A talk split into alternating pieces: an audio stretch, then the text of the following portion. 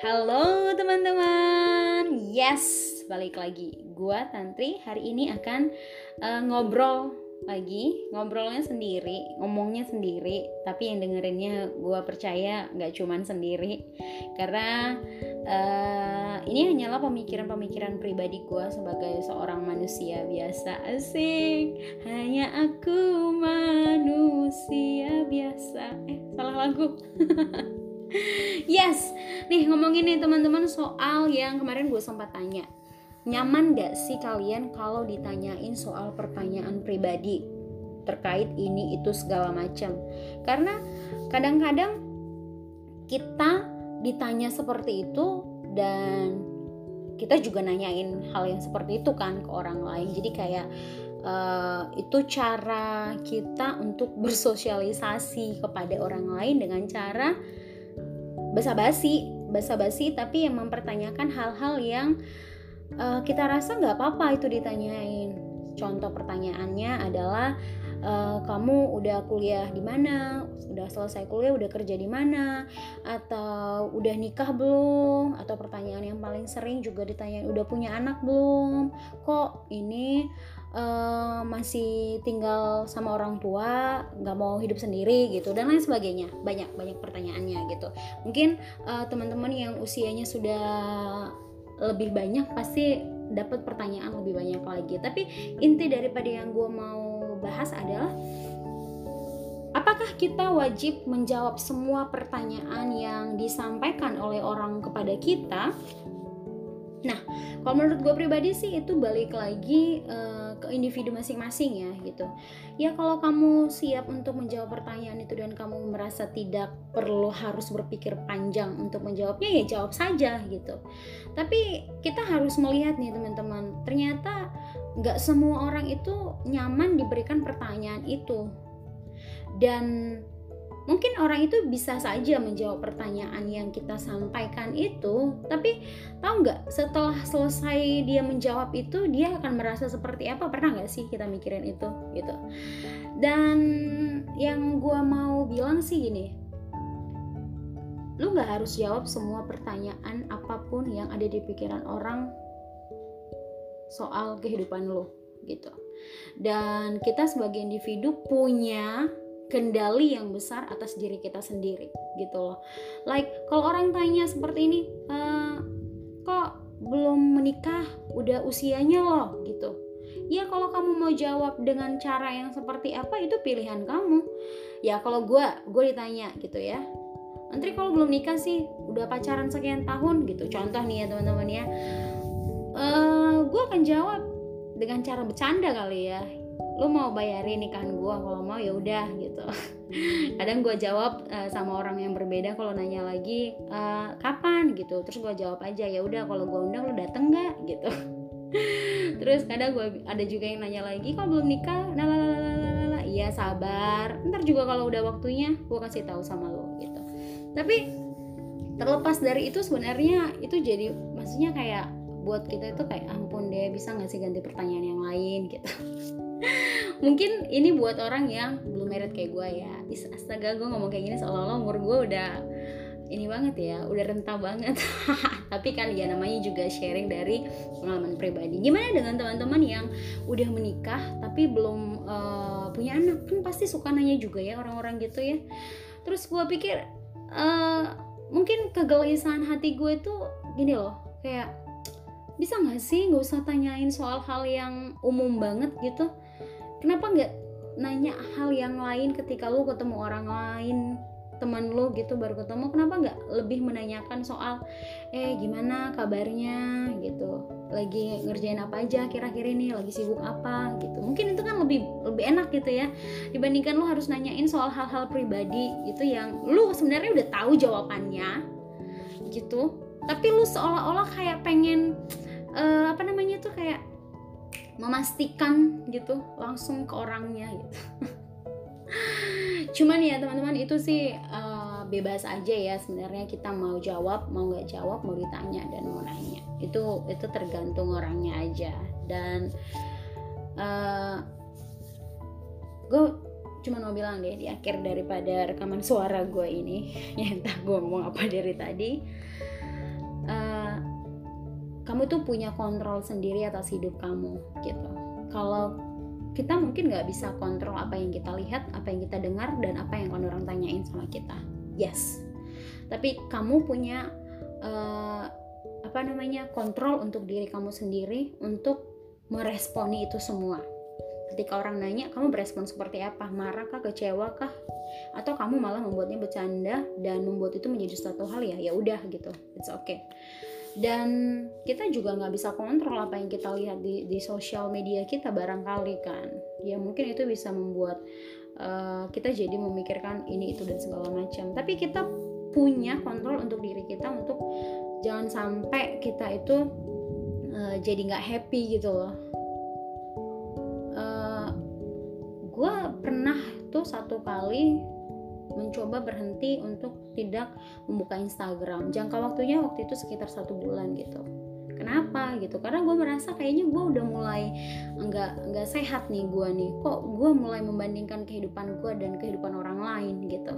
Dan akhirnya gue melakukan apa yang gue lakukan? Gue coba untuk stop semua sosial media gue dan gue coba ambil waktu untuk diri gue pribadi dan untuk mensyukuri apa yang ada dalam kehidupan gue gitu dan puji Tuhan itu berjalan dengan baik gitu jadi kita punya kontrol untuk apa yang kita lakukan sendiri dan untuk apa yang harus kita putuskan gitu. Jadi jangan sampai kebahagiaan kita ditentukan oleh apa yang uh, apa sosial kita minta, sosial kita tuntut seperti itu. Tapi kita harus punya alasan untuk tetap bertahan sampai sekarang ini ya karena memang kita memutuskan itu begitu loh. Jadi orang kan nggak harus melewati jalan yang sama gitu untuk mencapai sesuatu. Orang punya punya waktu masing-masing. Gue percaya banget hal itu gitu. Dan kita nggak bisa paksa orang gitu untuk untuk untuk bersama dengan kita itu dan dengan kapal yang sama untuk menuju tempat yang sama gitu. Like ada orang pernah mengucapkan kata seperti ini uh, uh, dia bilang gini kita mungkin menggunakan perahu yang berbeda tapi tujuan kita sama gitu. Ini untuk ini filosofi kehidupan atau gimana gue nggak nggak paham banget. Tapi gue merasa oh iya orang punya punya jalan masing-masing lah untuk bisa sukses mungkin untuk bisa mencapai aktualisasi dirinya untuk bisa bahagia gitu ya. Kita sebagai manusia hanya perlu melakukan bagian kita menerima diri kita dan berhenti untuk mencampuri urusan orang lain. Iya enggak sih teman-teman? Kita tuh kadang gemes banget pengen campurin kehidupan orang lain dan ngerasa lu harusnya melakukan lu harusnya itu seperti ini untuk bisa seperti itu gitu loh. Kayak kita itu punya pattern sendiri dalam pikiran kita itu orang harus melakukan cara yang sama untuk mendapatkan hasil yang yang yang kita maksud gitu loh kita harus pahamin kita itu manusia berbeda. Background kita aja beda cara pikir kita aja beda. So jangan pernah paksa orang lain untuk melakukan seperti apa yang kamu pikirkan. Gitu. Itu aja sih yang gue mau sampaikan semoga apa yang gue sampaikan hari ini tuh ada poinnya ya. Soalnya gue juga bingung dari tadi ngomong apa ya? Oke okay, teman-teman happy nice day and see you. God bless you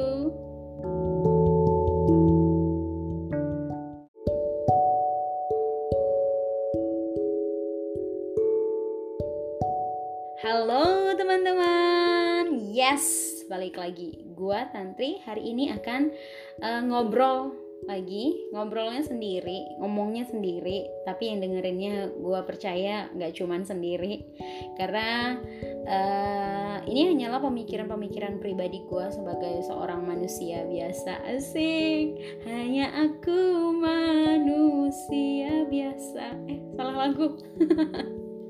yes, nih ngomongin nih teman-teman soal yang kemarin gue sempat tanya. Nyaman gak sih kalian kalau ditanyain soal pertanyaan pribadi terkait ini itu segala macam? Karena kadang-kadang kita ditanya seperti itu dan kita juga nanyain hal yang seperti itu kan ke orang lain. Jadi kayak uh, itu cara kita untuk bersosialisasi kepada orang lain dengan cara basa-basi basa-basi tapi yang mempertanyakan hal-hal yang uh, kita rasa nggak apa-apa itu ditanyain. Contoh pertanyaannya adalah uh, kamu udah kuliah di mana? Udah selesai kuliah udah kerja di mana? Atau udah nikah belum? Atau pertanyaan yang paling sering juga ditanyain udah punya anak belum? Kok ini uh, masih tinggal sama orang tua nggak mau hidup sendiri gitu dan lain sebagainya. Banyak banyak pertanyaannya gitu. Mungkin uh, teman-teman yang usianya sudah lebih banyak pasti dapat pertanyaan lebih banyak lagi. Tapi inti daripada yang gue mau bahas adalah apakah kita wajib menjawab semua pertanyaan yang disampaikan oleh orang kepada kita? Nah kalau menurut gue pribadi sih itu balik lagi uh, ke individu masing-masing ya gitu. Ya kalau kamu siap untuk menjawab pertanyaan itu dan kamu merasa tidak perlu harus berpikir panjang untuk menjawabnya ya jawab saja gitu. Tapi kita harus melihat nih teman-teman ternyata nggak semua orang itu nyaman diberikan pertanyaan itu. Dan mungkin orang itu bisa saja menjawab pertanyaan yang kita sampaikan itu tapi tahu nggak setelah selesai dia menjawab itu dia akan merasa seperti apa? Pernah nggak sih kita mikirin itu gitu? Dan yang gue mau bilang sih gini lu nggak harus jawab semua pertanyaan apa pun yang ada di pikiran orang soal kehidupan lu gitu. Dan kita sebagai individu punya kendali yang besar atas diri kita sendiri gitu loh.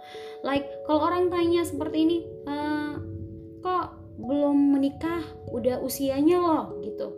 Ya kalau kamu mau jawab dengan cara yang seperti apa itu pilihan kamu. Ya kalau gue gue ditanya gitu ya. Nanti kalau belum nikah sih? Udah pacaran sekian tahun? Gitu. Contoh nih ya teman-teman ya. Uh, gue akan jawab dengan cara bercanda kali ya lo mau bayarin nikahan gue kalau mau ya udah gitu. Kadang gue jawab uh, sama orang yang berbeda kalau nanya lagi uh, kapan? gitu. Terus gue jawab aja ya udah kalau gue undang lo dateng nggak? gitu. Terus kadang gue ada juga yang nanya lagi kalau belum nikah? Nah lah iya sabar. Ntar juga kalau udah waktunya gue kasih tahu sama lo gitu. Tapi terlepas dari itu sebenarnya itu jadi maksudnya kayak buat kita itu kayak ampun deh bisa nggak sih ganti pertanyaan yang lain? gitu mungkin ini buat orang yang belum merit kayak gue ya. Is, astaga gue ngomong kayak gini seolah-olah umur gue udah ini banget ya udah rentah banget. Tapi kan ya namanya juga sharing dari pengalaman pribadi. Gimana dengan teman-teman yang udah menikah tapi belum uh, punya anak? Kan pasti suka nanya juga ya orang-orang gitu ya. Terus gue pikir uh, mungkin kegelisahan hati gue itu gini loh kayak bisa nggak sih nggak usah tanyain soal hal yang umum banget gitu kenapa nggak nanya hal yang lain ketika lu ketemu orang lain teman lu gitu baru ketemu? Kenapa nggak lebih menanyakan soal eh gimana kabarnya? gitu. Lagi ngerjain apa aja kira-kira ini? Lagi sibuk apa? gitu. Mungkin itu kan lebih lebih enak gitu ya dibandingkan lu harus nanyain soal hal-hal pribadi gitu yang lu sebenarnya udah tahu jawabannya gitu. Tapi lu seolah-olah kayak pengen uh, apa namanya tuh kayak memastikan gitu langsung ke orangnya gitu. Cuman ya teman-teman itu sih uh, bebas aja ya sebenarnya. Kita mau jawab mau nggak jawab mau ditanya dan mau nanya. Itu itu tergantung orangnya aja.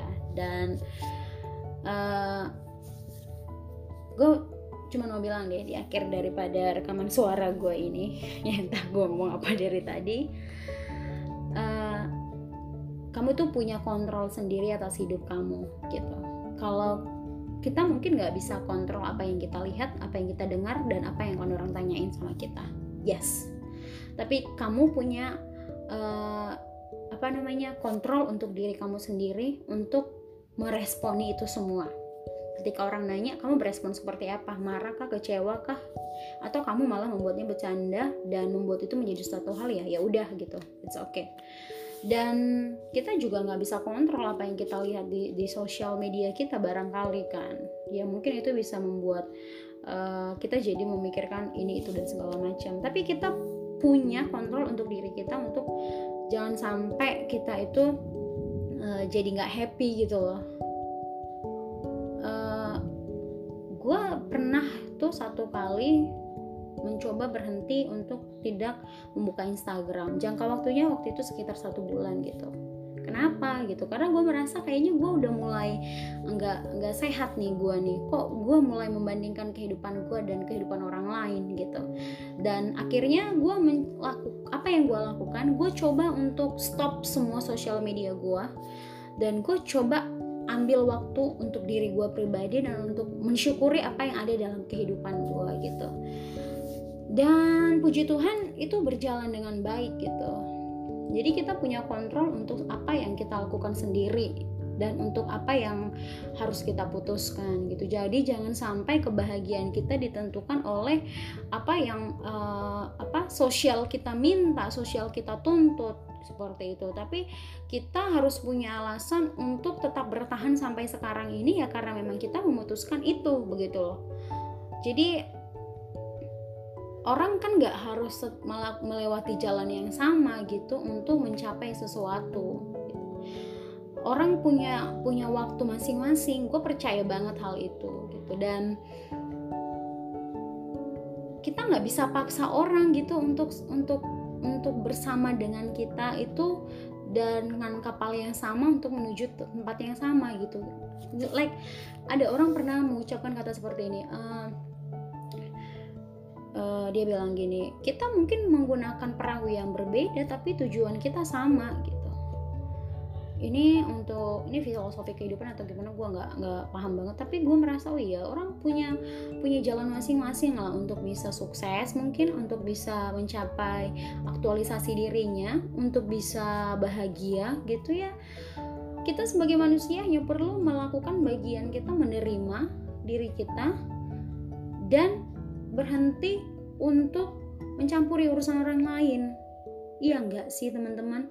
Kita itu kadang gemes banget pengen campurin kehidupan orang lain dan ngerasa lu harusnya melakukan lu harusnya itu seperti ini untuk bisa seperti itu gitu loh. Kayak kita itu punya pattern sendiri dalam pikiran kita itu orang harus melakukan cara yang sama untuk mendapatkan hasil yang yang yang kita maksud gitu loh. Kita harus pahamin kita itu manusia berbeda background kita aja beda cara pikir kita aja beda. So jangan pernah paksa orang lain untuk melakukan seperti apa yang kamu pikirkan. Gitu. Itu aja sih yang gue mau sampaikan semoga apa yang gue sampaikan hari ini tuh ada poinnya ya. Soalnya gue juga bingung nih dari tadi ngomong apa ya? Oke okay, teman-teman happy nice day and see you. God bless you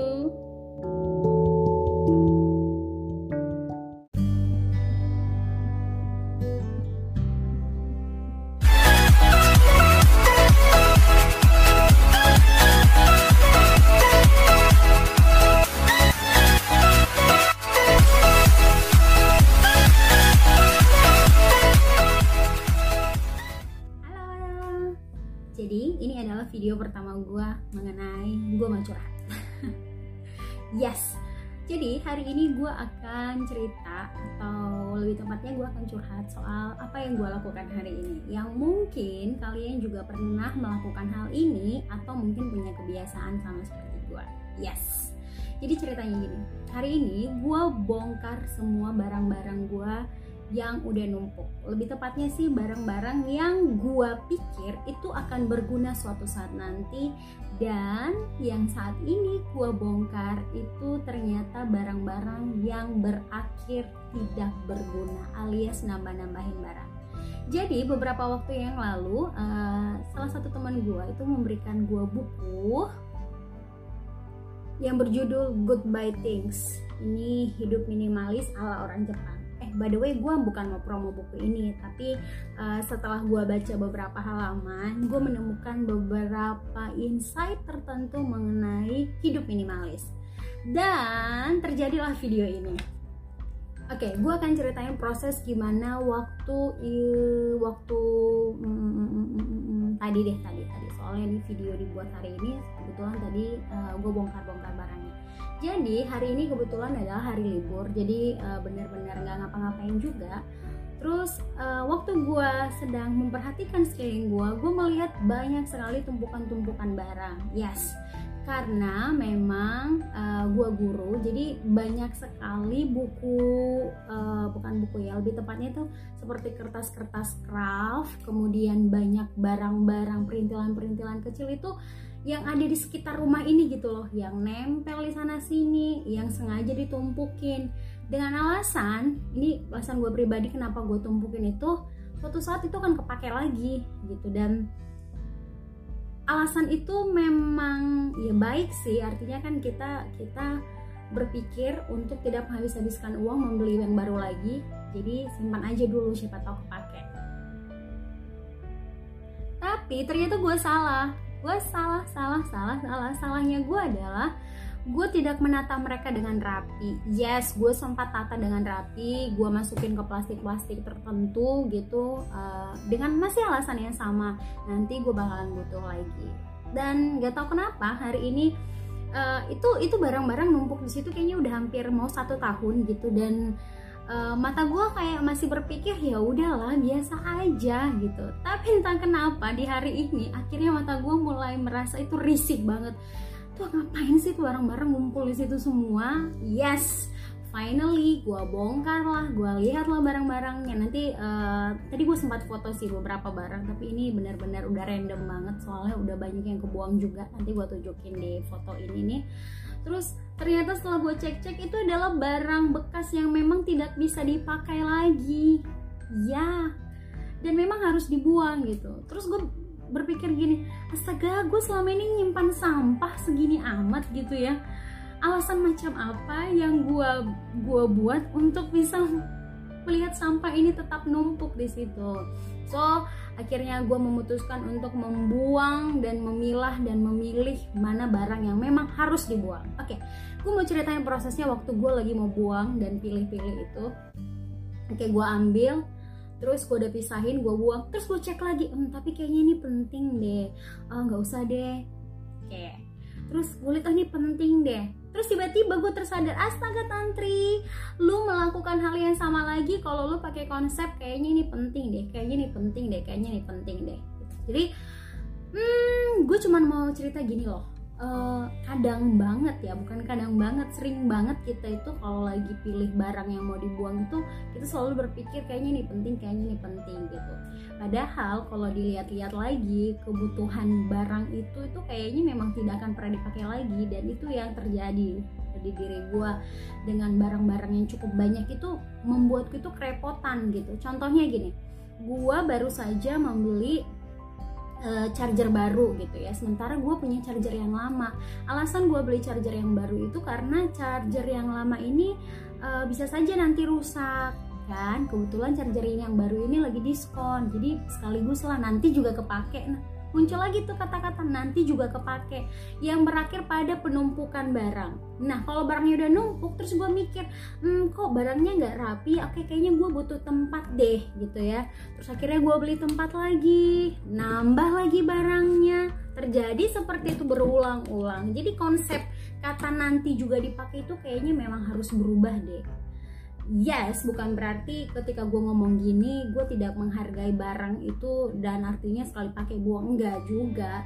Cuman mungkin kita perlu memikirkan ulang bener nggak sih cara ini buat simpan ini lagi? Daripada lu simpan-simpan dan memang lu gak akan pernah pakai lagi mending lu kasih sama orang yang lebih membutuhkan. Ya enggak sih? Nih contoh nih. Gue nggak tahu. Ini ini contoh kecil. Gue lagi pergi ya ke salah satu mall terus uh, eh, gue masuk ke salah satu toko dan yes gue beli ini dan gue nggak tahu. Gue beli karena lucu aja gitu. Gue cuman berpikir suatu saat ini akan kepake aja gitu. Dan sebenarnya tanpa ini pun barang-barang gue masih bisa kok tertata rapi. Cuman gue berpikir ini akan kepake. Iya setelah udah dibeli akhirnya memang jadi kepake gitu. Jadi kepake gitu. So ya lumayan buat tempat taruh charger tapi tanpa ini pun masih bisa rapi disusun. Oke gue lanjut lagi sama barang-barang yang menurut gue ini adalah sebuah bukan kesalahan. Ya kesalahan atau enggak gue nggak tahu. Lu sendiri yang nilai. Gue beli barang kayak ginian dong. Sih. Iya ini berguna banget. Tapi setelah ini dibeli gue jadi bingung ini mau tempat apa ya gitu. Dan sekarang ini nggak kepake sama gue oke okay?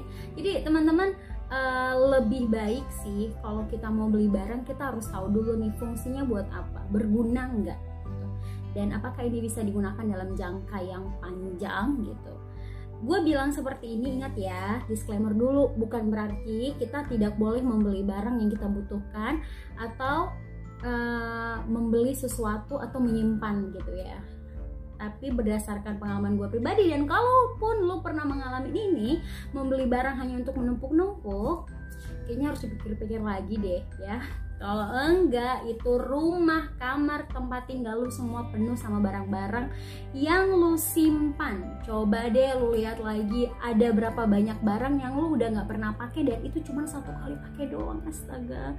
Dan alhasil itu cuma numpuk-numpuk di situ, menemuin lemari dan makan banyak tempat. Yes, gue akan cerita lagi selanjutnya di video selanjutnya ada begitu banyak barang-barang gue yang nggak kepake hanya karena alasan gue beli karena diskon, gue beli karena lucu, gue beli karena gue merasa gue perlu. Yes, dan saat ini sih gue juga lagi proses untuk meminimalisir barang-barang yang harus gue beli gitu. Karena memang keuntungannya mempunyai barang minimal apa ini? meminimalisir barang gitu ya. Hidup minimalis ala orang Jepang itu keuntungannya itu adalah kita punya mindset kita akan beli barang yang memang kita butuhkan. Dan ya hemat juga sih. Ya nggak sih? Terus uh, kita juga bisa lebih tahu keinginan dan kebutuhan seperti itu. Oke itu saja untuk hari ini curhat gua. Thank you for watching. Curhat ala tantri. Bye bye thank you for watching. Don't forget to subscribe and share. See you in another video